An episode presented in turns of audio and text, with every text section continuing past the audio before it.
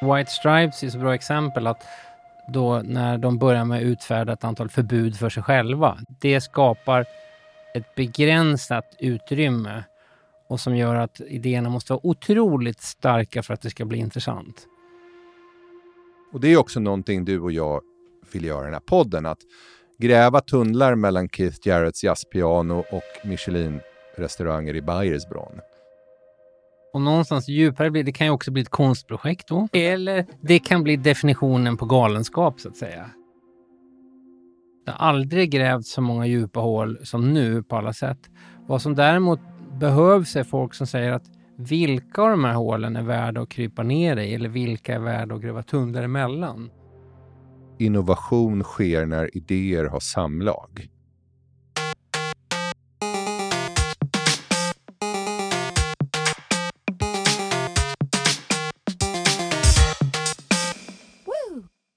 Hej och välkommen till Gradvall och Magnus avsnitt 4 med mig Magnus Linkvist, futurolog. Och Jan Gradvall, journalist. Och en gång i tiden fanzinredaktör för Jörvars Gosskör, sångare allt i allo i Onbirds och en journalist som hänvisade till Thomas Di Leva som en svensk Ziggy Stardust. Ja, jag kan gå in och faktakorrigera där, men jag gör inte det, utan jag låter detta vara. Det här avsnittet handlar om frihetens fängelse. Janne, nöden har en absolut... Nöden har absolut en lag. Ja, jag tror att det sämsta man kan göra om man vill att någon ska skapa någonting, det är att säga här får du pengar, gå och gör vad du vill och kom tillbaka om tre veckor nästan ingen klarar av den valfriheten, utan någon form av riktning eller inte minst begränsningar som vi ska prata om i den här podden är bra för kreativiteten. Och säga gör vad du vill blir ofta inget bra. Jag kan på ett exempel. Jag var gästlärare eh, i, jag vet inte vad rubriken var, typ kreativt skrivande på reklamskolan Bergs eller om det var Beckmans. Någon av de två. Jag har liksom tackat nej till att vara gästlärare, jag kände det inte min grej, men okej, okay, jag, jag, ställde upp på det här då. Och då satte sig liksom reklamelever. Jag visste att väldigt få av dem ville egentligen skriva, utan de ville hålla på med idéer och göra reklam. Och det vanliga var att då gästläraren skulle säga så här, här har ni en uppgift, kom tillbaka på måndag med resultatet. Jag sa istället, klockan kanske var nio på morgonen, det här är uppgiften, en väldigt begränsad tydlig uppgift. Och ni måste skriva den nu och lämna in det innan lunch klockan 12. Och alla tyckte att det var skitjobbigt och suckade.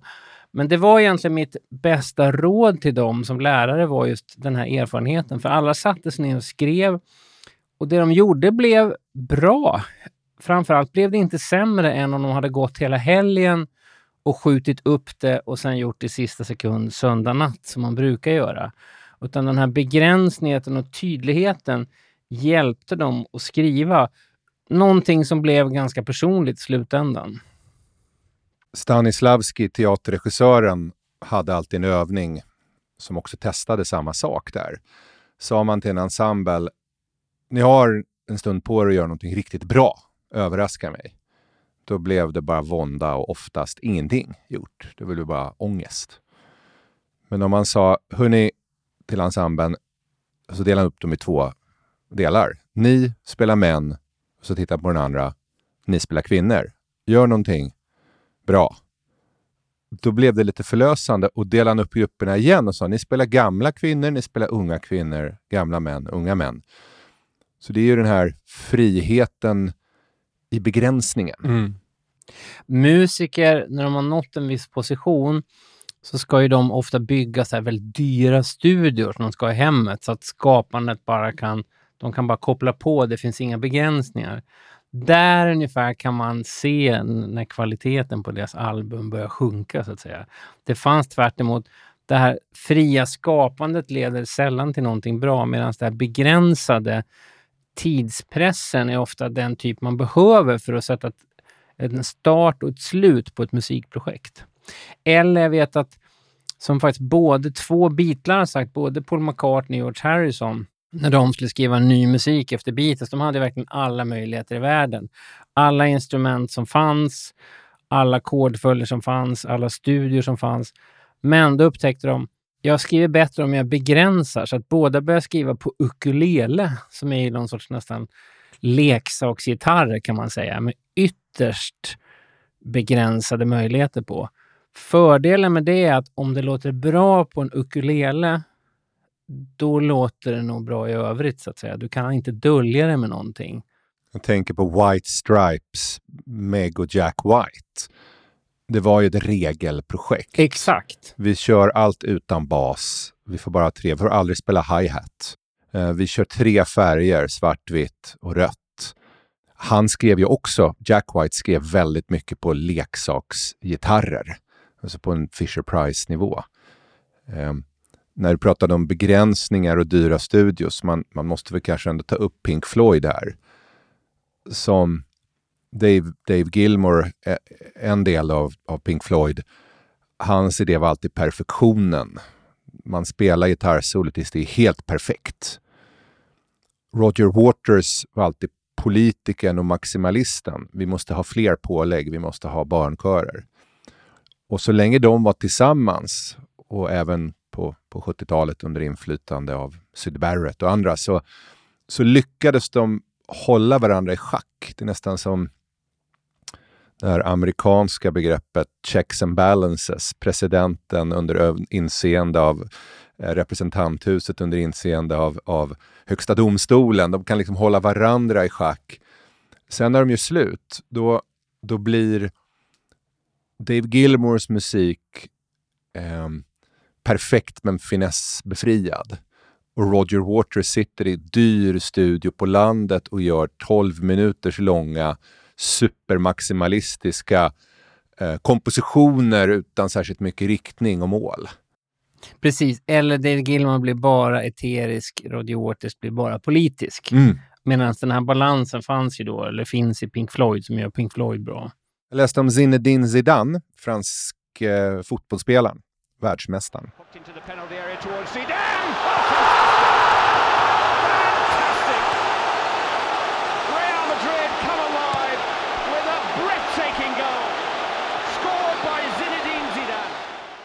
Han lärde sig spela fotboll eh, på något som på franska heter ballon sur bitume. Alltså asfaltsboll. Och hela tanken där är att gatan, för han är uppväxt i slummen, gatans begränsningar lär en en improvisationsförmåga.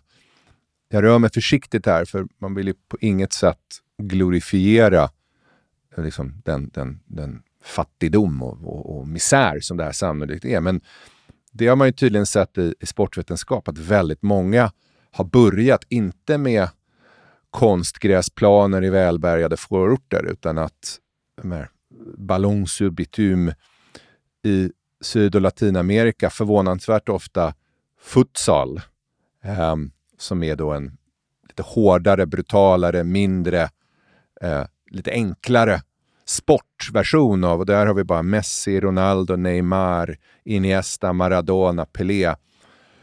George Weah, den här eh, liberianska fotbollsspelaren, spelade första tio åren i sitt liv inte ens med en boll utan med en, med en, en, en eh, ihoprullad tygtrasa.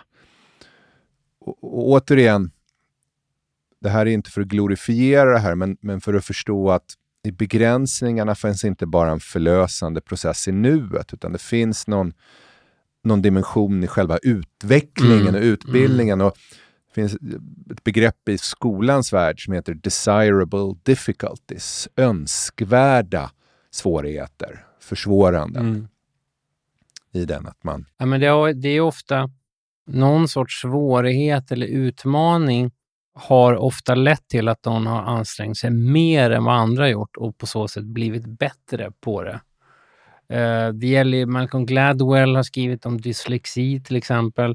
Att folk som då måste erövra språket på det sättet och har följt allt från liksom domare, journalister, författare som just på grund av att de hade språkets motsvarighet till en tygtrasig boll tvingades bli så mycket bättre på den andra. Så att det, är ju, det är verkligen också ett exempel på det här som är rubriken Frihetens fängelse. Att maximal frihet när det gäller kreativa beslut är inte alls det, det mest önskvärda. Pianisten Keith Jarretts berömda konsert i Köln, som är väl en av hans idag mest lyssnade på Jag tror att det är tidernas näst mest sålda jazzalbum efter Kind of Blue med Miles Davis. Kan inte du berätta vad det var som hände där? Jo, men det, han skulle då göra en konsert i Köln. Eh, ett konserthus, kanske plats med 1500 personer. Han var på dåligt humör. Han kommer till det här konserthuset och då visade det sig att det var inte alls det piano som han behövde för att kunna genomföra det här, utan det var ett skitdåligt piano. Så att han sa, nej men jag, jag, jag, jag ställer in, jag åker hem. Liksom, kan inte ens fixa det här så kan inte jag spela. Jag måste liksom ha respekt för de som har köpt biljett. Den person på skolan som hade bokat konserten var en ung kvinna. Hon var helt förtvivlad för att hon var liksom projektledaren för det här och inser att om hon misslyckas så är det hon som kommer få skiten. Så hon hängde med Keith Jarrett, hans manager, de gick på restaurang och bara drog sin historia, eller historia bara så att snälla, du måste försöka göra det här, för, om inte annat för, för min skull. Och då säger Kiffi att okej, okay, jag gör det för, för din skull då. Sen går han tillbaka till konsertlokalen. Det visar sig att flygen är underdimensionerad för detta, så att han, han inser att han måste slå mycket hårdare på tangenterna för att överhuvudtaget höras. Så att han måste liksom spela på ett annorlunda sätt. Det är dessutom fel på flera av tangenterna så att han kan inte använda en del av klaviaturen, utan han har en mindre del av den och han måste slå mycket hårdare.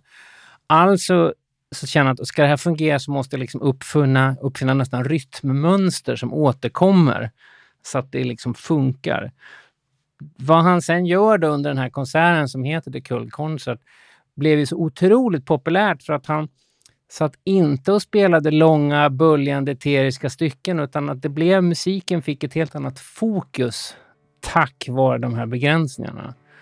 Eh, fantastiskt album för övrigt. Och inte helt bra ljud heller för att det var inte heller meningen att detta skulle ses ut utan någon tekniker bara tänkte att det här konstiga projektet måste jag bevara och satte på bandspelaren.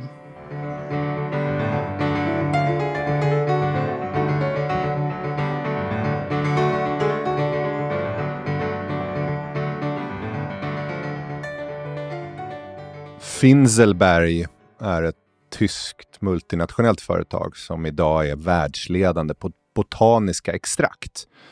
Och sånt finns ju både i naturläkemedel, vitamintabletter, kryddträdgårdar, kryddanrättningar. Alltså det är en väldigt bred användningsområde. Historien där hänger lite ihop med den här pianokonserten. Det är nämligen så att det, jag tror att det är en tysk Hausfrau och sönerna. Och det här handlar om tidigt 1900-tal. Tidigt, någonstans 10, 20, 30-tal där man då i södra Tyskland, jag tror att det är Bayern, plötsligt utför ett påbud att från och med nu, på grund av risken att vi får slut på humle, så får ni, får ni inte längre... Ni måste bara odla humle överallt.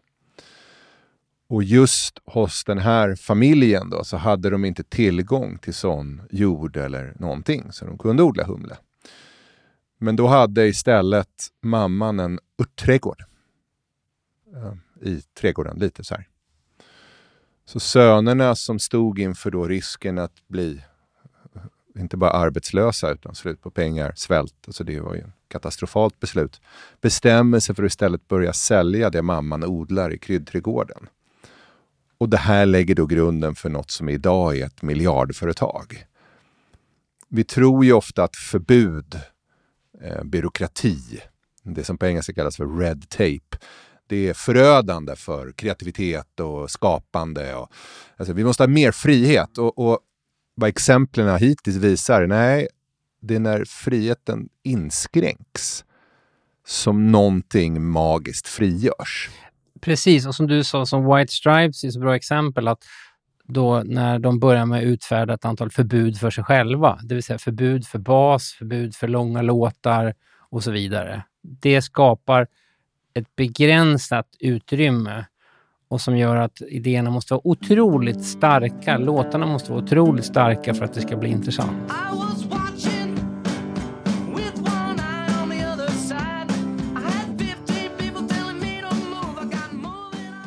Det är risk, vi har haft Köln och Finselberg, men, men ett till tyskt exempel. Världens Michelin-stjärntätaste plats. Det är Bayersbronn i Schwarzwald i södra Tyskland. Det spännande med Bayersbronn är att det finns egentligen inga som helst förutsättningar där. Det är litet och lantligt och inte särskilt urbant. Men där London har en Michelinstjärna på varje 100 000 invånare och Paris en för varje 16 000 så har Bergsbron en stjärna för varje 2 000 invånare. Och det handlar väldigt mycket om att de hade så dålig jord och isolering, vilket gjorde att alla var tvungna att tänka och anstränga sig mer. Och de började använda delar av träd och plantor och kött som ingen annan använde i sin matlagning när spanska solkusten började locka tyska turister från Schwarzwaldskogen, då var de tvungna att hitta på nya skäl att folk skulle besöka just dem. Och då sa de, vi ska bli bäst i världen på gastrostomi, eller gastrostomi, gastronomi. Även om det andra kanske har sina tjusningar också. Det är kanske är en följd av det andra, whatever. Ja. ja, och det var också så, många av de här krögarna har berättelser som på den här tiden då, det här började, grundlades då för decennier sedan, eh, var så här, man gick upp mitt i natten för att kunna köra till Strasbourg för att köpa gåslever. Så hela den här att, att, att go the extra mile, mm. på grund av utmaningarna, hamra hårdare på pianot, sälja mm. det du har istället för någonting du inte längre får sälja, gå upp mycket tidigare. Det, det finns ju något i det. Mm. Jag tänkte just på, bara för att återkomma till det med musik, att när man kan dölja saker inom musik, att har man de här begränsningarna så krävs det verkligen, ställer väldigt höga krav på själva låten för att, för att man inte ska kunna dölja att den inte håller. Men jag har ju under de ganska många decennier jag jobbat som musikjournalist suttit otaliga gånger på så här skivbolagskontor så ska de spela upp någonting nytt. Och då har de alltid så här skitdyra högtalare, fantastiska högtalare, och så spelar de lite för högt. Så att det ska liksom låta så här maffigt och så. Men grejen är att det blir, ofta, det blir ofta en besvikelse när man sen hör den här låten kanske ur en transistorradio eller liknande, eller nu för, nu för tiden då ur en liksom mobiltelefon utan högtalare. Så att kravet är ju nästan direkt när du spelar in det och testa hur låter det här på en dålig högtalare. Mm. Det, vet, det har Max Martin berättat till exempel att som de har kört med hela tiden. Så fort det har spelat klart någonting så går du ut till bilen och lyssnar på det. där är ganska dåliga högtalare. Låter det fortfarande bra? Ja, men då är vi inne på någonting. Men man kan få det mesta att låta bra i de här superduper högtalarna.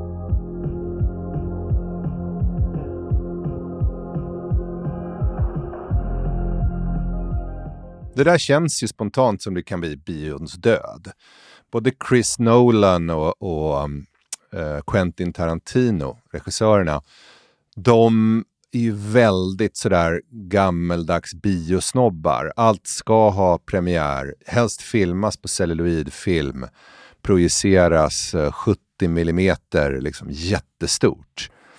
Det är väldigt få som, som känner samma lust och tjusning och säger nej, det ska streamas i en en 15 gånger 3 centimeter stor skärm. Så där upplever man ju väldigt ofta att väldigt många spelfilmer är liksom kvar i att vi, vi, det är liksom bio eller bara sämre. Mm. Och det blir ju rimligtvis eftersom människor sannolikt kommer mindre och mindre vilja gå till bio av all, allehanda ja, skäl. Verkligen. Nej, men det jag tror att man bara släpper. Nu råkar det vara kanske de två intressantaste regissörerna som gör den typen av breda biofilmen är ju Nolan framförallt och Tarantino. Men jag förstår precis vad du menar och jag tror att man, man får bara släppa det. Jag märker själv hur många filmer jag ser på min mobiltelefon.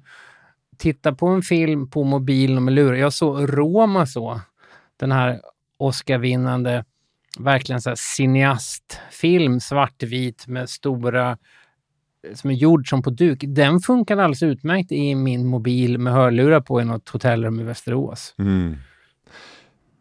Vi pratar om frihetens fängelse. Det vill säga paradoxen av att när du blir väldigt fri så kan det infängsla och samtidigt begränsningens frihetsrörelse. Och då tänkte jag skulle testa en liknelse på dig, Janne, för att se var vi landar här. Tänk dig att du sitter och gräver med din son kanske, framförallt när han var yngre, i en sandlåda. Och, så, och det kallas ju lek. Man leker i sandlådan med sitt barn. Så här, gräv, gräv, gräv. Men tänk dig att du nu fortsätter att gräva i sandlådan. Så du kommer dit lite varje dag efter jobbet och gräver tillsammans med Roy så att ni plötsligt har ett tre meter djupt hål. Då har vi gått från lek till något som kan kallas för hobby. Gör man det varje dag, några gånger i veckan, så här, då är det en hobby. Lite mer seriöst. Så här. Det är kanske också, ni har en hobby gemensamt, så det är ingenting, ni, ni måste liksom hjälpas åt lite där. Och så fortsätter ni gräva. Och efter en månad, då, då är det, då är det så här 20 meter djupt schakt. Och då räcker det inte längre med att ni kommer dit lite, för nu måste ni liksom dämma upp ni måste kanske ha professionella grävutrustning. Det kommer krävas mycket av er, alltså, ni, har, ni har inte råd att göra något annat längre. Så då kallas det ju ett yrke, mm, mm. ett värv. Nu, nu Jan Gradvall och Gradvall AB gräver ett djupt hål. Och sen tänker vi att vi fortsätter djup, gräver och gräver, gräver. Till slut så kommer ni ner på sådana djup att eh, vi vet inte riktigt vad som händer här. Vi måste börja undersöka. Och då kommer vi in i forskningen. Mm. Det kanske finns tio experter i världen som vet vad som händer på 800 meters djup eller djupare. Så här. Man måste börja titta på nya. Det vill säga, det som var en lek som vem som helst kunde göra högst uppe ja. Har plötsligt blivit en väldigt ensamt djupt hål. Mm. Där du har tio pers på jordklotet som förstår vad du gör, som kan göra. Väldigt bra. Och någonstans djupare blir det kan ju också bli ett konstprojekt då. Eller det kan bli definitionen på galenskap så att säga. Men det kan vara konst hela vägen ja, ja, ner precis, för all del. Precis. Ju djupare du, så blir det mer konst. Jag bara, en passus. Den där historien står för sig själv, så ingenting med den att göra. Men apropå det här med sandlåda. Eh, så bara tänkte jag på då Brian Wilson i Beach Boys som var liksom 60-talets stora musikaliska geni vid sidan av Beatles då men som ju tappade, mm, han fick psykisk ohälsa helt enkelt. Så att när, när de undrar så här, men hur går det för, för, för Beach Boys nya album? Vad håller Brian på att skriva just nu? Det gick ju så långt så de andra brorsorna var ute och turnerade och han var hemma.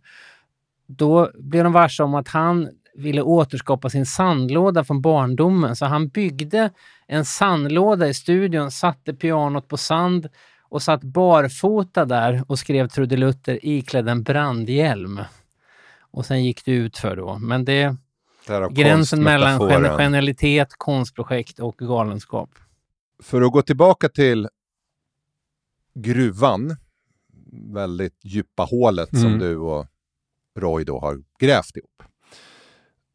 Så ser väldigt många vetenskaper ut idag att det är ett väldigt isolerat, smalt silo. Och det är oftast skälet att Nobelpriset ofta vinns av några individer. Det är oftast de individerna som har jobbat med den här frågeställningen. Två, tre, fyra namn kanske. Mm. De har grävt och grävt i 30 ja. år. Ja. Så du är ju både fri där nere men också väldigt infängslad. Då hörde jag någon säga att utmaningen idag är att gräva horisontella tunnlar. Tunnlar mellan de här silorna. Och det är också någonting du och jag vill göra i den här podden. Att gräva tunnlar mellan Keith Jarretts jazzpiano och Michelin-restauranger i Bayersbronn. Men då tänkte jag att där finns det ju en, en väg ut i fängelset. Att du kanske inte kan hitta så mycket mer i den här genren i den här forskningsdisciplinen, i den här gruvan, eller för all del i det här konstprojektet mm, just mm. nu, men om jag gräver åt sidan här. Ja. Um, och då tänker jag på några sådana exempel där man har istället för att bli, bli djupare i gruvan har grävt åt sidan. Precis. Nej, men du, jag har en, en, skjuta in med en sak där. Jag bara tänkte på exakt när du sa det där, de har grävt de här djupa hålen så behövs det horisontella tunnlar emellan, vilket ofta någon annan som gör egentligen, som ser behovet av det. Och jag bara tänkte då på Malcolm Gladwell, populärvetenskaplig journalist, bestsellerförfattare. Det har blivit väldigt populärt nu, när någon har nått så högt så ska man liksom dissa personen.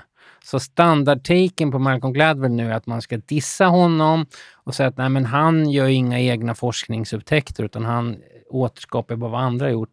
Jo, men det är exakt det som är poängen så att säga. Han går fram till de där hålen, bygger horisontella tunnlar.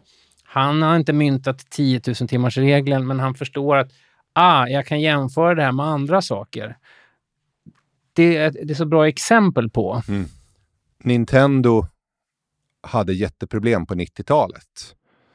Ehm, de hade förlorat spelmarknaden, den här konsolspelmarknaden som de själva hade skapat med SNES. Hade de nu förlorat till Sonys Playstation och Microsoft Xbox. Gruvtanken då är att säga vi ska, vi ska göra något som har ännu bättre grafik, ännu mera realistiska spel, ännu högre ljud. Men Shigeru Miyamoto som är en sån här underbarn i spelindustrin gräver en horisontell tunnel istället och går till bilindustrin där en kompis visar chippen som styr krockkuddar. Jättekänsliga för rörelser för att veta exakt när man ska lösa ut krockkudden och när man inte behöver göra det. Och med det som grund istället för så här supergrafikchip så, så, så blir det barnsligare grafik men han skapar Nintendo Wii där man då fick stå och svinga tennisracket med fjärrkontrollen och fjärrkontrollen. Som är då byggd för känsliga rörelser. Känsliga rörelser och, och, och kunna känna av det. Jag vet eh, Sobi som är ett svenskt läkemedelsföretag. De grundades genom att ett, några barnläkare på Sahlgrenska sjukhuset, en man och en kvinna, eh, upptäckte att ett misslyckat ogräsmedel i Australien innehöll vissa kvaliteter och molekylära strukturer som sannolikt kunde hjälpa dödligt sjuka barn som led av en autoimmun sjukdom bli friska. Och det häftiga är att Sahlgrenska sjukhuset då, tidigt 90-tal, säger liksom okej, okay, vi provar. Och, och det friskförklarade de här dödligt sjuka barnen relativt fort och la grunden för det som heter miljardföretag. Men det finns ju i oss inte bara i att dissa Malcolm Gladwell, men det finns ju det finns ju alltid en instinkt i oss att gräva djupare ner. Om jag bara blir bättre på det här. Och det finns många ord åt det hållet, bli vid din läst. Istället för att eh, korsbefrukta. Mm. Vet, I naturvetenskapen kallar man det för acceptation. Man tar någonting från ett annat område och applicerar på ett nytt område. Mm sådär att, att den här saken som var utvecklad för att hålla värmen kan vi också använda för att flyga om vi är mm, fåglar mm. och så. Så, och så acceptera saker istället för att innovera. Mm. Ja, men jag tror att det gäller generellt i samhället överhuvudtaget nu för att ingen kan ju råda, påstå att det råder brist på information. Det har aldrig grävts så många djupa hål som nu på alla sätt. Vad som däremot behövs är folk som säger att vilka av de här hålen är värda att krypa ner i eller vilka är värda att gräva tunnlar emellan? Och det är, det är någonting som man som jag själv kanske försöker göra på ett mycket lättsammare plan. Liksom att man, vad av det här är intressant att ta del av? Eller som jag gissar att du gör också med dina föreläsningar, att det är inget problem att stå och räkna upp allting som har gjorts, men det intressanta är vad av det här är intressant för er? Och vilka slutsatser kan åhörarna, lyssnarna dra av de här faktorna som då redan är kända egentligen, men ingen känner ju till dem. Och där tänker jag, om jag kommer tillbaka till en av dina superkrafter i egenskap av journalist, så är det ju att du alltid varit um, selfless, egolös, eller relativt. Vilket verkligen skiljer sig. De flesta människors instinkt när de blir bra och duktiga på något, det är att gå upp i sig själva. Jag är viktig, min tid är viktig, jag är upptagen, inte vem som helst får närma sig mig. Man, man planterar också en massa gatekeepers sådär. Ingen ska få komma nära mig. Eh, Medan du alltid varit öppen för människor vid sidan om, som statusmässigt både ovanför, vid sidan, under, om man nu tycker status är viktigt. Och, och, och liksom plockat in det och se och, och, och, kan man lära sig. Och det är väl det som är en av problemen. Står du och får en Nobelprismedalj så är din instinkt att lyssna på en 17-årig eh, hemlös människa som kanske egentligen inte för ögat ser ut som de kan något men har väldigt intressanta idéer, väldigt låg. För de flesta som kommer nära dig kommer hylla dig och säga du är briljant, du är bra. Du blir, det vill säga fäng, fängelsehålan blir bara ensammare. Uh. men jag, tack för att du sa det, men jag tror också det har att göra med att um, hur man ska vara relevant så att säga. Och som journalist, hur är du relevant för läsarna? Särskilt nu, varför ska läsare kanske till och med betala för att läsa dig? Och tror att den här gamla uppfattningen av en musikkritiker, att det är någon som sitter på en tron och så ska man räcka över objekt som denne sen fäller ett omdöme av. Jag tror att det är väldigt begränsat med människor som tycker att det är värt att betala för. Men däremot folk som kan hjälpa att göra urvalet, som kan förklara saker som man blir klokare av. Det är ju en tjänst som jag själv skulle vilja ha och då tänker jag kanske mer på mottagaren än mig själv vad, vad kan vara relevant av det här för den som, som, som läser eller lyssnar på det? Jag såg ett diagram om att antalet kompositörer idag för att skapa en topp 100 Billboard-hit har aldrig varit högre. Den har ökat exponentiellt. Vi kommer från en värld i musiken där det var oftast en. Dionne Warwick har skrivit den eller Björn och Benny har skrivit den och idag handlar det om fem, tio, det finns väl till och med hit som har 40, 50 upphovsmän, kvinnor och icke-binära människor. Vad, för här tänker jag också att det händer någonting. Mm. Mm. Det där är, det är ett komplext exempel. Det är ett svårt exempel att dra för att jag tror att den hitlåten som är flest antal kompositörsnamn med, den stora hitlåten, det är Uptown Funk, Mark Ronson. Men det beror på att de har clearat en sampling av en grupp som heter The Gap Band som består av sex personer. Då. Och då får alla de credit som låtskrivare. Medan de personer som satt i rummet kanske var fyra, fem stycken. Men det är definitivt exempel på hur man kan göra musik nu med hjälp av datorer och skicka saker till varandra. Man behöver inte nödvändigtvis sitta med akustiska gitarrer i ett rum. Men jag tycker inte det är så komplext. Nej. Exempel, mm. jag läste någonstans, iPhone tror jag innehåller 600 patent från, om det är 30 olika länder. Mm. Det är det som blir så förljuget när politiker tycker man ska köpa svenskt, det ska produceras i USA. Mm. De här idéerna, oavsett om det är Uptown Funk eller iPhone, kom ju lite från hela världen. Verkligen. Och jag, men jag vill bara säga det, att det låter lite defensivt, för jag vet hur snacket går så att säga i musikvärlden. För då, där ser man det på, aha, den här musiken är mycket ytligare och håller lägre kvalitet. Det ser vi ju för att det är sju stycken som har skrivit den, än geniet som sitter på en bergstopp med ett piano.